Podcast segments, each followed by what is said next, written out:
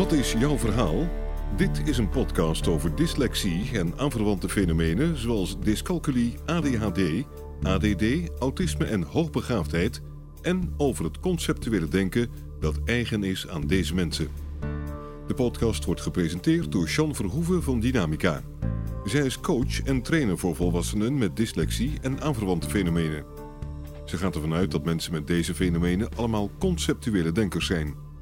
Als je dat weet en weet hoe dit denken werkt, is het mogelijk om een gemakkelijker en succesvoller leven te hebben en effectiever te kunnen functioneren in je studie of je werk.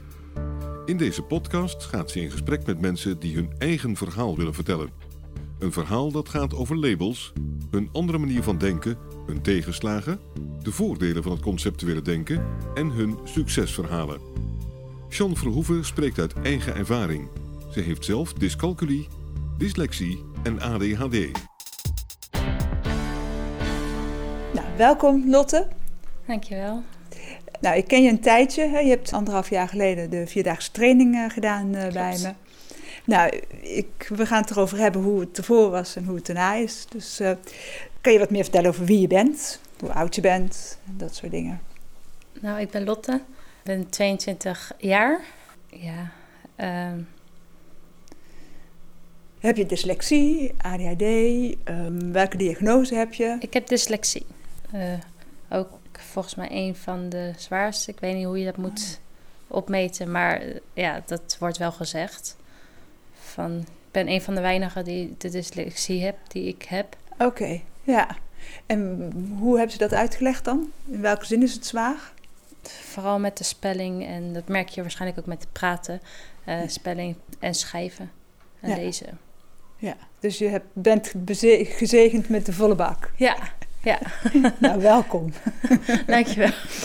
ja. En hoe is dat, uh, hoe lang weet je al dat je dyslexie hebt? Het is officieel vastgelegd in groep 5, 6 volgens mij. Uh, maar mijn ouders wisten het al eigenlijk vanaf mijn geboorte. Dat ik dus, uh, in ieder geval van groep 1, 2 dat ik dyslexie had. Omdat mijn vader heeft dyslexie. Dus, dus ze wisten wel een beetje dat of mijn zusje of ik dyslexie zou hebben. Ja. En uh, wat heeft het je opgeleverd om te weten dat het dyslexie uh, is? Um, ik wist dat ik persoonlijk gewoon niet gebroken was. Van, ik dacht omdat ik anders was dan andere kinderen. Met, want ik kon moeilijker lezen en zo. Ik was de enigste in de klas. En ik wist, toen ik het wist, officieel, wist ik dat het niet aan mij lag. Ja. En wat deed dat met je? Dat deed me beter. Dat, dat voelde ik me beter omdat ik het wist waar het aan lag. Niet dat, dat het door mij komt of zo. Ja. En um, je zegt, ik wist wel dat ik anders was. Hoe dan? Wat dan? Qua gedrag, um, ja, ik, als iemand wat uitlegde, ik ging al meteen naar de oplossing en niet stap voor stap alles bekijken. Dus ik wist meteen al een antwoord en, en het duurde allemaal. Iedereen vond het raar dat ik al een antwoord wist. Dus mensen zeiden van ja, eerst rustig aan stap voor stap kijken. Maar dat kan ik niet. Nee. Ja, dat, daaraan merk ik het. En gewoon qua gedrag. Ik vind heel veel kinderen uit mijn, vroeger uit mijn basisschoolklasse altijd heel erg uh, kinderlijk. En dat, dat heb ik, daar heb ik altijd wel mee geworsteld. Ja. En kun je daar een voorbeeld uh, van geven? Hoe dat dan is? Wat merk je dan? Nou, omdat ik anders ben, dat andere kinderen niet herkennen, stoten ze je af en ja, sluiten, sluiten ze je buiten omdat ze het raar vinden, omdat ze dat niet herkennen. Wat heeft dat met je gedaan? Um, dat heeft me wel aardig beschadigd. Ja. Ja. En het doet nog steeds zeer. Ja, de ene keer gaat beter met vertellen dan de andere keer. Maar ja, het is nooit leuk om zulke soort dingen mee te maken. Ja. Het maakt je wel sterker, maar het is nooit leuk. Nee. Nee. Nee, en op het moment dat je zegt het maakt je sterker, dan komt er zo'n glimlach. Die zie ik wel, die zien mm -hmm. uh, luisteraars niet. Heb je enige ondersteuning gehad van school uit? Nee, niet echt. Op de basisschool had ik, eh, voelde ik me altijd heel erg dom. Omdat eh, mijn docenten me gooiden me eigenlijk... of zo'n gevoel kreeg ik in, in een hoekje. En van zoek het maar uit. Want ja, eh, voor scholen kost het geld om, om eh, daar meer in te gaan verdiepen. En daar hebben ze ook geen tijd voor, want er zitten ook 30 leerlingen in de klas. En ja, dus ze maken nooit echt tijd eh, voor de 1 op de 1000 leerlingen die, die tegen zoiets aanlopen. Maken ze er geen tijd voor. Je zegt 1 op 1000, zeg je. 1 op de 20 is dyslectisch. Ik kan me ook niet voorstellen dat je de enigste in de klas was. Maar ehm je moet er meer zijn geweest. Ja, Ja. ik, heb, ik heb één meisje bij in de klas gehad die had ook dyslexie. Ja. Maar die kon gewoon makkelijk meedoen. Ja, En dat had ik niet. nee. Dus ze gingen me vergelijken. Dus ze verwachten van mij dat ik ook gemakkelijk mee kon doen. Ja. En ja, dat kan ik niet. Nee. En ik kon het toen op de basisschool ook niet uitleggen waarom ik dat niet kon. nee. nee. En kon je hulp vragen erop? Kon je vertellen wat je nodig had? Nee, want ik wist het niet. Mijn vader die hielp me wel. En mijn moeder. Maar die wist ook niet alles. Omdat, ja, dus ik moet op de andere manier gewoon, leren. Niet op een theoretische manier. Ik leer meer met plaatjes. En dat onthoud ik meer dan, dan teksten. En dat was niet op school. En dus ik heb mezelf, met, met de hulp van mijn ouders, heb ik mezelf aan moeten leren op een andere manier de stof wat ik kreeg te leren. En hoeveel energie heeft je dat gekost? Heel veel. Ik heb best veel moeite gehad daarmee. Ja. Mhm. Naar wat voor middelbare school ben je gegaan? Eh, een praktijkschool. Omdat VMBO me niet wou hebben. Oh, hoezo Omdat- wouden ze jou niet hebben? Omdat ik een eh, la- te lage CITO-score had. Want hoezo wilden ze je niet hebben? Wie gaat er, hè? gaan ze daarover? Ze zijn gebaseerd uit CITO-scores. Dat is gewoon een eenmalige toets die je op een moment opneemt. Ja. Ja, daar ben ik slecht in. En ik had wel de rest van het, gewoon heel het jaar op ingepakt best wel goede cijfers. Dus, en daar kijken ze dan niet naar. Ja. Alleen maar naar die momentopname. En die had ik heel toevallig slecht gemaakt. En voor mijn gevoel was ik dan daarvoor voor VMBO te dom Ja. om aangenomen te worden. Want de praktijkschool die zei van, wat doe je hier? Van, je hebt gewoon een goede CITO-score. Of ben je Ja. er veel te slim voor? Maar ja, ik had geen keus. ja. En hoe is dat om dit te, te horen dan? Als je, dan ben je 12, 11, 12, 13 ergens. Mhm. En dan wordt dit eh, verteld. Je bent te slim hier en daar, eh, je bent te dom voor de volgende stap. Ja, weet niet. Ben ik nou wel slim of niet? Van... Ja. Maar toen kwam ik op de poort. Die, eh, daar zaten, die- ze zeiden in het begin met de intake van ja, we, we, hebben wel, we zijn wel gespecialiseerd in zulke soort dingen. Uiteindelijk is het alleen maar gespeciali- gespecialiseerd in kinderen met gedragsproblemen. En de poort, dat is de school waar je op zat. Ja. Ja. De praktijk. Ja. En wat heb je geleerd op de praktijkschool? Eh, hoe je niet aanwezig kan zijn. Ik ben niet veel aanwezig geweest. Figuurlijk, letterlijk? Of, eh, Letterlijk. Ik, ben, ik was bijna nooit aanwezig. ja. Niet veel in ieder geval. Is er wat van gezegd? Nee. Tegenwoordig is het goed geregeld. Onze jongeren weten hoe het zit met de dyslexie en het is allemaal goed geregeld. En als ik dan, en dat had ik al vanaf het begin, hè, toen ik met jou sprak, dacht ik, en zo heb ik heel veel klanten, hè, denk ik, hoezo goed geregeld? Mhm. Het is niet goed geregeld. Nee. Overal niet. Niet veel plekken gehad dat ze... Ze zeggen wel dat het goed geregeld is, alleen uiteindelijk... Van, als het erop staat, weten ze daar uiteindelijk helemaal niks van. En dan wordt er ook nog ooit gezegd van, ja, in, op het platteland, hè, dan kan het zijn dat er daar niet zoveel school is en niet zoveel keuzes. En dan kom je ook nog uit een grote stad. Mhm. woon je in de stad en dan denk je, heb je keus. En dan heb je eigenlijk nog het probleem dat je niet begrepen wordt. Ja. Dat, ja, zo komt het wel op neer, ja. Als je daar nou op terugkijkt, wat had je nodig gehad? andere methodes om dingen te leren. Van op scholen heb je meestal maar één methode en dat is een theoriemethode. Maar er zijn zoveel, er kan, kan zoveel verschillende manieren kan het uitgelegd worden. Ze moeten volgens uh, een bepaalde manier lesgeven, omdat het zo, uh, zo volgens de wet uh, moet het gewoon doen. Ja.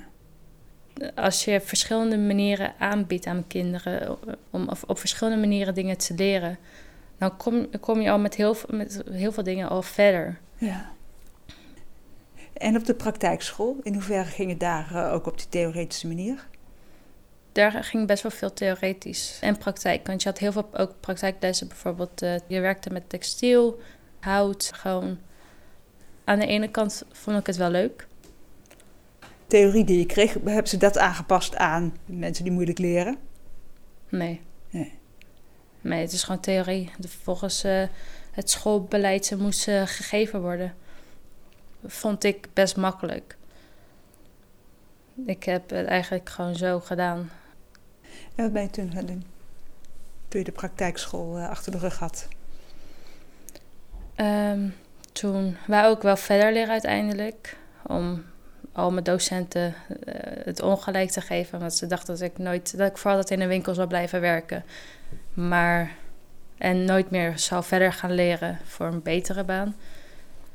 Uh, maar toen uiteindelijk dacht ik van, ja, ik ga het toch verder leren. Ik ben uiteindelijk naar niveau 1 gegaan. MBO niveau 1? MBO niveau 1, ja. Um, want ik kon nergens anders heen van, toen ik van de praktijkschool afkwam. Daarna heb ik niveau 2 gedaan, MBO niveau 2. En nu zit ik op MBO niveau 3. Ja. En hoeveel, hoe lang duurt, uh, hoeveel jaar duurt een niveau 1? Eén jaar. Oh, Oké. Okay. Een jaartje en, maar. En niveau 2? Twee jaar. Twee. En niveau 3? Drie jaar. Ja. ja. En dan niveau 4 hebben we dan nog, hè? Ja, die doet ook drie jaar. Oké, okay, dat scheelt dan weer een jaar. Ja. Ja. Dus, uh, en moet je naar niveau 3, moet je dan ook nog naar niveau 4 om nog door te kunnen stromen? Nee, dat hoeft niet per se. Het is echt iets uh, dat je zelf wilt. Niveau 3 is al best wel goed. Uh, ja, als je een goede baan wil en een hogere baan, dan zou ik wel niveau 4 doen. Uh, maar in principe uh, is niveau 2, als je in de zorg of iets wil werken, is dat ook al prima. Nou, wat ik altijd zo fascinerend vind, hè, want je, dan heb je het over praktijkschool en MBO 1 en 2. En hè, dan kom je ook nog wel een beetje moeilijk uit de woorden nu. En als ik dan zo'n eerste intake met je heb, hè, dan denk ik altijd van, oh, oké, okay, wie hebben we daar en wat is dat voor iemand? Dan hoor ik weer andere klanten zeggen van, ja, maar als ik een vierdaagse training ga doen, met wie kom ik dan in de groep? En uh, zijn die wel, hè, als die dan meer scholing gehad hebben, zijn die dan wel slim, slim genoeg voor mij? Mhm. En dan zeg ik altijd, ik heb er nooit last van, hè, of mensen slim of dom zijn hier in de groep. En nou, waarom ik je ook uitgenodigd heb en wat ik heb me nog, nou ja, het staat nog voor me als gisteren, die vierdaagse training. Het was 35 graden. Het was heel warm. Ja, het was heel warm. Je stond onder de bulten van die. Uh, ja, die processierupsen. Ja, ja, ik zat helemaal onder de bulten, ja. Ja, dus je had het, uh, het was dubbel zwaar. En dat moeten we hier hè, met snel lezen. En dan ga je ook nog een heel proces door. Nou, en ik zei, ik zei een half woord tegen jou en je deed, je deed anderhalf zin. Hè, bij wijze van spreken. Of je, je ging echt nou, zoef hè, in, dat, in dat zelfbeeld. En je kwam echt, nou, kromgebogen. Je deed je mond eh, niet open. Nee, en als je hem open deed, dan ging je zitten huilen. Hè. En nou Ja. zit je hier achter de microfoon. Hè. Dus dat, dat je zo'n grote stap gemaakt hebt in die vier dagen. Ja, ik, ja. Ja, ik merkte het wel. ja. maar dat is ook, hè, dan ben je in feite zo dom weggezet. Hè, naar de praktijkschool, naar de eh, MBO 1, MBO 2. En dan zit je hier, en dan zit je ook nog met het hoogopgeleide mensen hier. En dan zie Ja. ik het verschil niet. En volgens mij ging je nog het snelst ook in die zelfontwikkeling. Hè, letterlijk, ik zei één ding en je deed het eh, gewoon. Dus dat je, hoe dat zit met die intelligentie, want dat is ook een intelligentie. Hè? Dat is, eh, die zelfsmacht is dat, jezelf kennen. Maar dat je zo weinig nodig hebt om iets te leren. En dan word je op school, ben je jarenlang zo weggezet als uh, ja, Ja. dom kind. Hoe is dat voor jou dan? Om, om dan zo in die training te zien dat je, dat je eigenlijk gewoon dat je nou ja, net zo vlot gaat als de rest, minstens. Ik stond er vooral verbaasd over. Van, omdat dat is bij mij nog nooit gebeurd. Ik vond het heel fijn. Dus het gaf me ook wat meer zelfvertrouwen van... hey, van ik ben ook niet de enige en ik kan dit, ik kan dit gewoon net zo snel oppakken als, als anderen. Van ja, dat, dat, voelde, dat voelde wel goed. Ja. En kan je dat nog steeds voelen? Ja, soms denk ik er nog wat terug aan. Ehm, een paar momenten gehad dat ik weer even terugviel. Ja. Uh, maar wat, wat je ook zei, van, uh, je gaat eerst twee treetjes omhoog en dan ga je weer even een treetje naar beneden. Hoe hoger je komt, hoe sneller je jezelf op kan pakken. Ja, dat is een mooie, hele mooie omschrijving. Ja.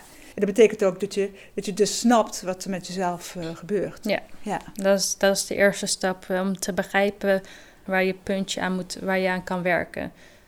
Van waar je aan jezelf kan werken. Van als je dat snapt, dan wordt het alleen maar makkelijker. Ja. Ja. Ja. En hoe is het nu om op, uh, weer op school te zitten? Een jaar tussenjaar gehad? Mm klopt. Raar. Raar. Ik had uh, weer op school zitten en vooral nu met de coronatijd ook erbij. Van je zit nu ook merendeels thuis, uh, thuislessen.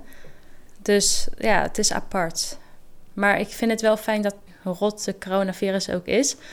Het is wel fijn dat je gewoon thuisles hebt. Want je kan, ik kan gewoon op mijn gemak gewoon erin komen. Niet dat ik in één keer van snel alles moet doen. Van, je zit gewoon thuis en je zit dan op je gemak ook. Dat vind ik wel fijn. Ja. En hoe gaat het leren nu? Ja, het gaat goed. Ik, uh, tot nu toe, ik heb voor mijn gevoel alles in, gewoon op orde. Ik doe gewoon de opdracht als, als er een opdracht is. Doe ik al meteen eigenlijk. Dat ik zorg dat ik niet achterloop. En als ik, want ik moet twee dagen naar school. Zorg ik dat ik als, als ik wat eerder vrij ben, als onze docenten ons eerder laten gaan, dan dus ga ik met mijn groepje waar ik in werk, blijf ik op school. En dan ga ik uh, verder met mijn opdracht. Dat is zorgen dat ik dat thuis niet hoef te doen. Dat ik hem gewoon af heb en dat ik er niet meer naar om hoef te kijken. Wat meer zelfvertrouwen, denk ik. Gewoon van. Eerst durfde ik ook niet tegen de mensen zeggen dat ik dat wil. En nu zeg ik het ook gewoon. En nu eh, zeg ik gewoon wat ik wil. En niet dat ik achter iemand aanloop. En als je het woord zelfvertrouwen zou moeten om, eh, omschrijven, wat, wat is dat dan?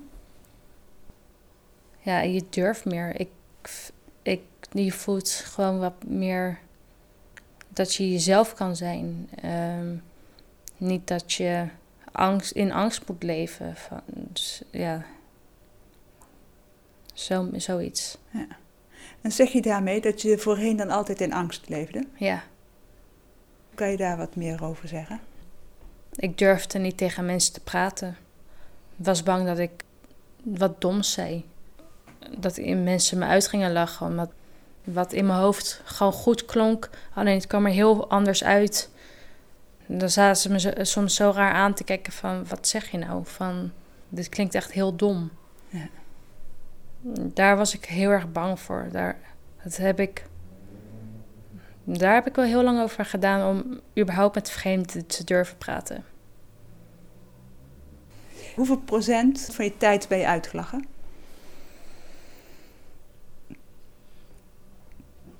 5% of zo uiteindelijk. Als ik dat allemaal terug bekijk. Ja. Maar omdat ik het ook gewoon wou voorkomen. Dus ik zei heel weinig. Ja. En, je, je zegt hè, 5%. En hoeveel voelde het? Dat is wel mooi hè, dat je dat zegt. Ja, als ik niet terugkijk, was maar, het was mijn ja, 5%. Mm -hmm. Het is niet zo heel veel. Het is altijd te veel. Maar, maar mijn gevoel was wel echt gewoon 80% ja. op dat moment. Ja. Dus zo groot is die, dat, dat gevoel van angst dan, dat, dat overheerst dan zo groot dat het voelt alsof het altijd... Uh, ja. ja. Ja, dat is bizar. Dat, dat, je, dat gewoon je gevoel zo je lichaam kan overnemen van dat je iets niet durft. Of bizar. Kan je dat omschrijven wat er dan gebeurt? Wat er letterlijk in je hoofd gebeurt, in je lijf gebeurt als je in die angst eh, raakt? soort van blackout. Je, je lichaam stopt gewoon, je freest. Je sta, staat gewoon stil, alles staat stil en dan van alles. Net, eh, het beste op, wat ik kan uitleggen is net als een flipperkast. Zo'n balletje dat zo helemaal zo heen en weer gaat. Dat gaat dan in mijn hoofd om. Ja, en de rest van je lijf bevriest. Ja, En ook je mond, hè. Het, het, ja, het, eh, ik- trek nou een bepaald gezicht, hè. Maar dat Ja. je mond open staat en dat je mond wel beweegt. van, maar iets remt je af van dat je niet kan praten. Net alsof dat je je tong bent verloren. Ja. Dus op zo'n manier. En dat is niet wat mensen zien, hè. Dat er die flipperkast in je hoofd is. Nee, Nee. En dat is ook als je zo tegenover me zit. Je ziet er echt heel rustig uit. En je, je, zit, je, je, je zit ook, hè, ook nog te stralen ook.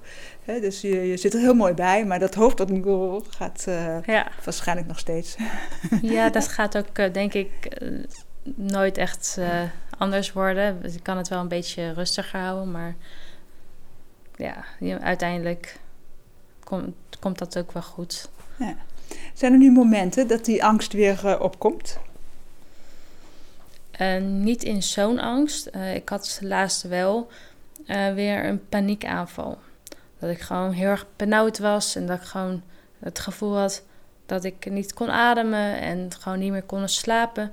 Maar dat was puur ehm, om, vanwege de coronavirus. Mijn vader zit in een risicogroep en ja. Dus dat is weer een hele andere richting op dan, dan die andere, andere dingen. Maar Het is ook angst. dat is ook angst. En wat heb je toen gedaan? Eh, eh, zes en een half uur gewoon lopen eh, door het huis heen. Ik wou eerst iedereen wakker maken, maar dat- uiteindelijk heb ik het niet gedaan. Dan heb ik eigenlijk in mijn eentje even ook tv zitten te kijken en gewoon proberen mezelf rustig te ma- maken. Maar Hoe dan? Hoe probeer je dan jezelf rustig te maken? eh, een beetje mijn hoofd ergens anders krijgen. Gewoon als ik tv zat te kijken, gewoon daarop focussen. Gewoon op iets anders focussen. Maar dat lukte niet echt. Omdat ik herkende het niet. Want ik, had het nooit, ik heb het nooit gehad, zo, zo'n paniekaanval. Ah, Oké. Dus, dus het was eng. Maar uiteindelijk, eh, naarmate ik met mijn vriend zat te praten en met mijn ouders, ging het wel weer wat beter. Ja. En daarmee zeg je eigenlijk ook dat je hulp gevraagd hebt. Uiteindelijk wel. Ja. En nou ja, alleen al praten met iemand is hulp vragen. Ja. Uiteindelijk wel. Hoe lang heb je erover gedaan? te wachten tot eh, eerst mijn vriend wakker werd en uiteindelijk heeft hij gebeld. Ja. En dat heeft zes en een half uur geduurd. Ja. Want ik wou eh, niemand wakker maken, want daar voelde ik me schuldig over.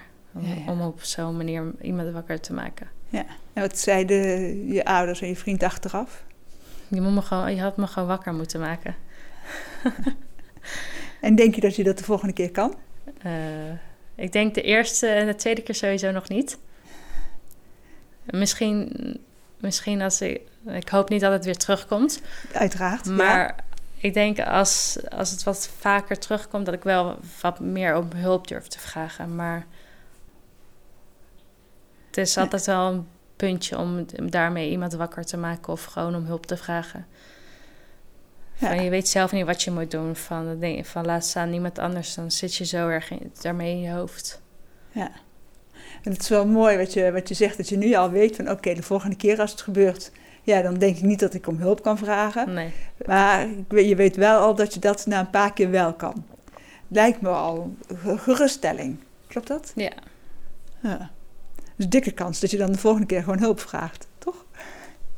Hm. Ja, dat weet je niet, maar... Laten we gewoon hopen dat het niet meer gebeurt. Nee, oké, dat, dat Maar- is natuurlijk een gigantische paniekaanval. Maar als je een opdracht van school... Ja, Want je moet natuurlijk weer stukken schrijven. eh, ja klopt. dus die kleine paniekaanvallen, of kleine angstaanvallen voor alleen al gewoon schrijfgedoe. Kan je daar hulp op vragen? Ja, dat heb ik wel laatst ook gedaan met de schrijfopdracht. Heb ik aan mijn moeder gevraagd of, eh, of ze me kon helpen. Ja. Dus daar begin ik wel wat beter in te worden. En krijg je dan ook de goede hulp? Ja, als je zo hulp vraagt aan je moeder, zegt, zegt ze dan ook dat wat jij wil horen? Nou, ze, ja, ze zegt sowieso van ja, ik help je. Meestal helpt ze me met schrijven, met gewoon met de woorden en spelling. En meestal schrijft ze het voor me en ik zeg wat erin moet. Ja. Dus ja, dat, dat geeft mij al wat rust in mijn hoofd. Ja, dus eigenlijk is er jouw dictafoon. Ja, Ja. zo'n beetje wel. Ja, ja. Jij praat en zij schrijft. Ja, ja. Dat is wat, we- wat we nodig hebben, toch? Ja, Ja, eigenlijk wel. Dat eh, Ja. het zal echt gewoon één rust in, in mijn hoofd schelen. Van dat, of ik wel of niet iets goed schrijf, dat Ja. hoef ik niet aan te denken. Van Ja. alleen maar mijn woorden uitspreken. ja. Zodat het precies komt te staan wat jij allemaal weet. Ja, Ja. Hoe voel je je thuis op school? Voel je ik je- voel me goed op deze school. Van, ik heb leuke leerlingen in de klas. Ook een leuke SOB'er. Dat is een eh, vaste docent waar je ook met problemen naartoe kan. Die staat er echt gewoon voor je klaar. Die, want die komt dan naar je toe als, als je appt van... hey, kan ik even praten over bepaalde dingen? Dan maken ze daar tijd voor. En een van de eerste SOB'ers waarvan ik denk van... ja, daar heb je wat aan. Ja. Die snapt waar je het over hebt. Ja. Die, die kan gewoon luisteren. Die kan gewoon goed luisteren. Die, ze is hands-on met gewoon alle leerlingen. Ja. Dat vind ik echt eh, positief. Ja. Wat verwacht je dan van zo iemand? En wat doet ze dan waardoor jij je daarbij op je gemak voelt? Nou, bijvoorbeeld, we werken in groepjes van zes. Met heel veel opdrachten. Ik begon eerst met twee van de zes. En toen opeens drie van de zes. Maar eentje reageerde nooit in de, in de groepsapp die we aan hadden gemaakt voor, voor met het groepje. Dus we vertelden dat. En ze gingen ook echt achteraan van, van waarom reageer je niet? Waarom app je niet in de groep? En waarom ben je nooit aanwezig? Met zulke soort dingen, of als je, ik vertelde dat ik me niet comfortabel op school voelde vanwege ook die paniekaanval. Dus eh, ze, van, ze zegt van probeer het even. En, en als het echt niet gaat, dan kijken we gewoon voor de rest wat we nog verder wat we nog kunnen doen. Het niveau van stof, hoe moeilijk is dat? Het is best uitdagend.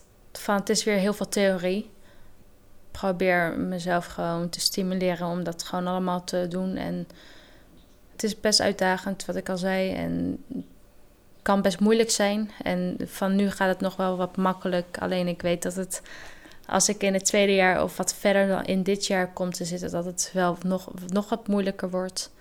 En wordt het dan moeilijker qua inhoud of moeilijker qua ehm, teksten die je krijgt? Want Ik dan- denk vooral teksten, want ik doe opleiding pedagogisch medewerker nu.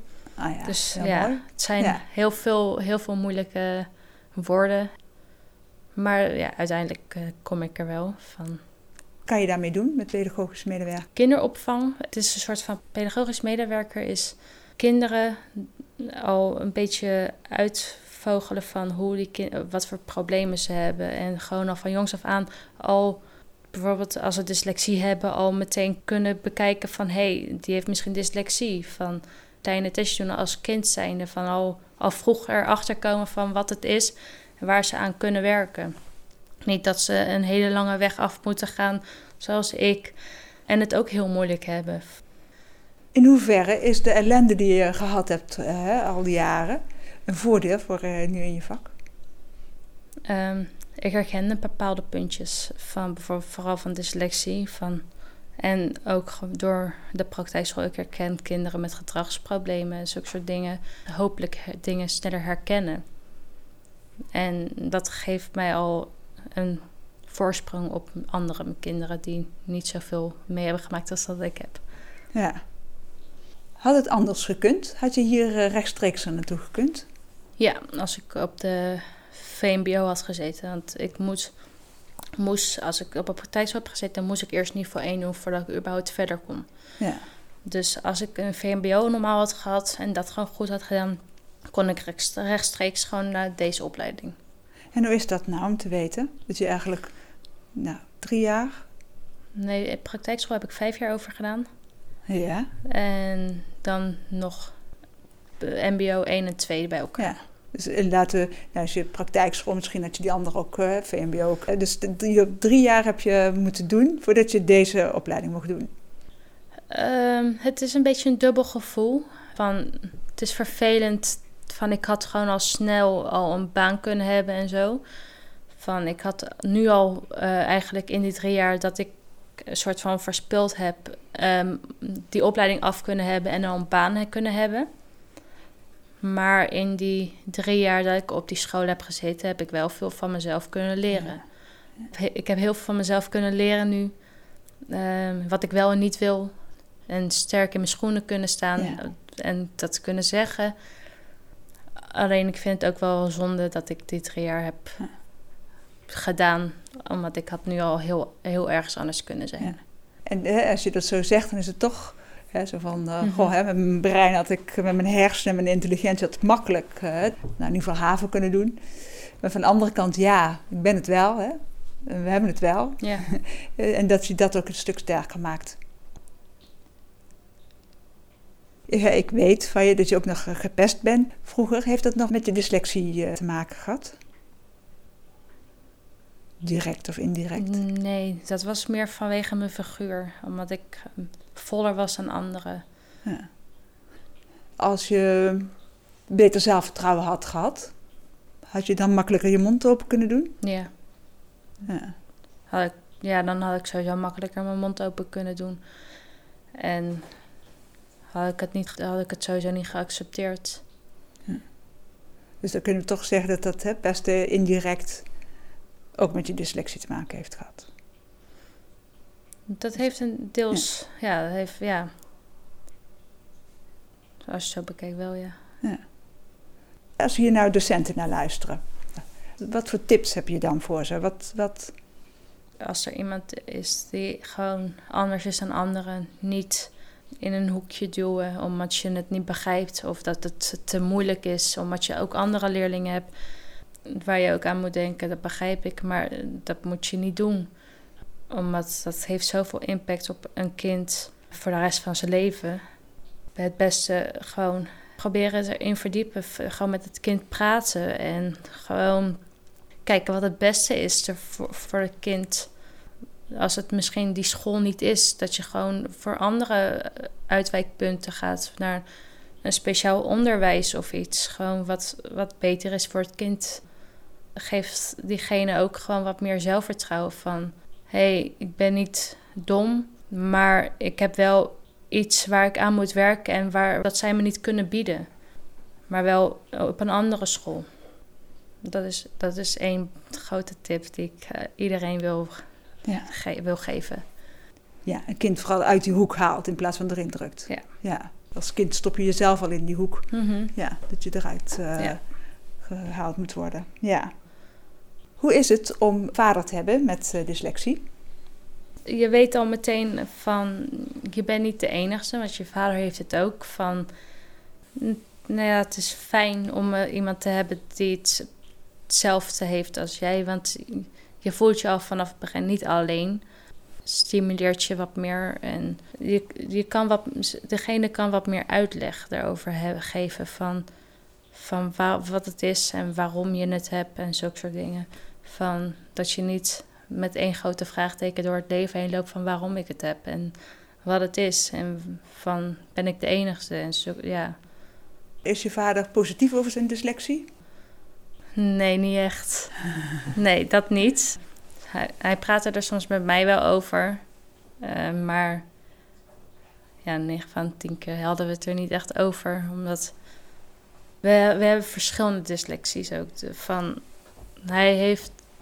Ik, ik heb het voor mijn gevoel toch een, een tikje erger dan dat mijn vader het heeft. Dus dat... Het was gewoon anders. Ja, en ondanks dat, het weten dat hij het ook heeft, maakt dat je je niet helemaal alleen voelde. Ja. Ja. Dus dat is, hè, en dat is ook, want ik kom natuurlijk ook wel heel veel jongeren tegen die niet weten of hun ouders dyslexie hebben of niet. Mhm. En heel veel ouders weten dat ook niet, want ja, er wordt vaak gezegd, we diagnosticeren te veel. Mhm. Nou, volgens mij wordt er nog steeds te weinig gediagnosticeerd. Dat die negatieve label eraf moet, dat is, hè, dat is wel Zeker. belangrijk. Maar dat je het weet dat je er één van, dat je een kind van hen bent. Hè? Dat je een kind van je ouders bent. Ja. ja. Heb je een tip voor eh, jongeren die luisteren? Die eh, in hetzelfde schuitje zitten of zaten als jij? Niet luisteren naar anderen die er niks van af weten. Gewoon jezelf zijn. Niet eh, je in een hoekje laten duwen. Heb je iemand in je omgeving gehad die, waar je terecht kon? Ik heb één beste vriendin, die ken ik al vanaf mijn geboorte. Als ik ergens mee zit, kan altijd bij haar terecht. Ja, en van haar krijg je ook de antwoorden waar je aan, wat aan hebt. Ja, ze zegt gewoon alles waar, wat ze, gewoon eerlijk. En dat weet ik ook van haar en dat vind ik Ja. fijn. Ja. Heb je nog andere tips voor jongeren? Blijf praten met je ouders erover. Of als je een vriend hebt, een met je vriend. Want dat is ook belangrijk, dat- ze weten wat er met je aan de hand is. En dat ze daar ook rekening mee kunnen houden. En dat ze misschien op, op hun manier, op bepaalde manieren ook je kunnen helpen en ondersteunen waar jij het nodig hebt. Heb je tips ehm, voor ouders? Heb geduld met je kind. Vooral eh, dat. Blijf luisteren en vraag wat ze nodig hebben. Gewoon blijven vragen. Want niet iedereen durft het te, te vragen om hulp. Dus Zijn er nog dingen die ik niet gevraagd heb? Zijn er nog, is er nog iets wat je kwijt wil? toen met die lezing, toen vroeg je of ik wat wou vertellen. Toen dacht ik eerst van, oh nee. Maar uiteindelijk heb ik het, eh, ben ik gaan staan en ik dacht van, ik kan dit. Dus ik. En ik heb het ook gewoon gedaan. Ja. Ik ben gewoon gaan staan en ik heb gewoon wat verteld. Ja. Terwijl ik dat eerst totaal niet kon. Ja. Ja. Ja. Ja. Daar ben ik wel stiekem wel trots op. Op Ja. mezelf, dat ik dat uiteindelijk toch heb gedaan. Ja. En nogmaals te benoemen hoe vaak we dom, lui, weet ik veel wat genoemd worden Ja. binnen het schoolsysteem. Ja, En je misschien ja, dat schrijven, dat lezen, goh, dat wordt misschien... eh, zijn op een andere manier slim. ja, maar dat, dat als we niet uit onze woorden komen, dat betekent niet dat we het niet weten. Mhm, Ja, Klopt. ja, Dat vergeten heel veel mensen. ja, En zo, heel veel mensen weten het ook niet. Nee. Dus ja, ja. Moraal van het verhaal, hè, van kijk, blijf kijken, blijf kijken. En wat je mooi zei, Ja. blok ze uit die hoek en, eh, en kan laten stralen. Ja. Nou, dankjewel. Dankjewel voor dit gesprek. Wil je reageren op deze podcast of heb je vragen? Stuur dan een mail naar podcast.dynamica.nl. De reacties zullen worden meegenomen in volgende podcasts. John Verhoeven geeft coaching, workshops en trainingen. Wil je meer informatie? Kijk dan op www.werkendyslexie.nl of www.geniaaloprechts.nl of bel 020 639 1099 020 639 1099. Jean Verhoeven heeft twee boeken geschreven over dyslexie: Slimmer dan je baas en Dyslexie, Stoornis of Intelligentie. Deze boeken zijn te koop in elke boekhandel. Stuur de podcast door naar iedereen waarvan je vindt dat ze meer zouden moeten weten over dyslexie, ADHD, ADD, dyslexie, dyscalculie, autisme en hoogbegaafdheid en het conceptuele denken. Deze podcast is gemaakt in samenwerking met Marcel de Hoog van Storytelling Media. Hij verzorgt de technische, redactionele en morele ondersteuning. Tot de volgende aflevering.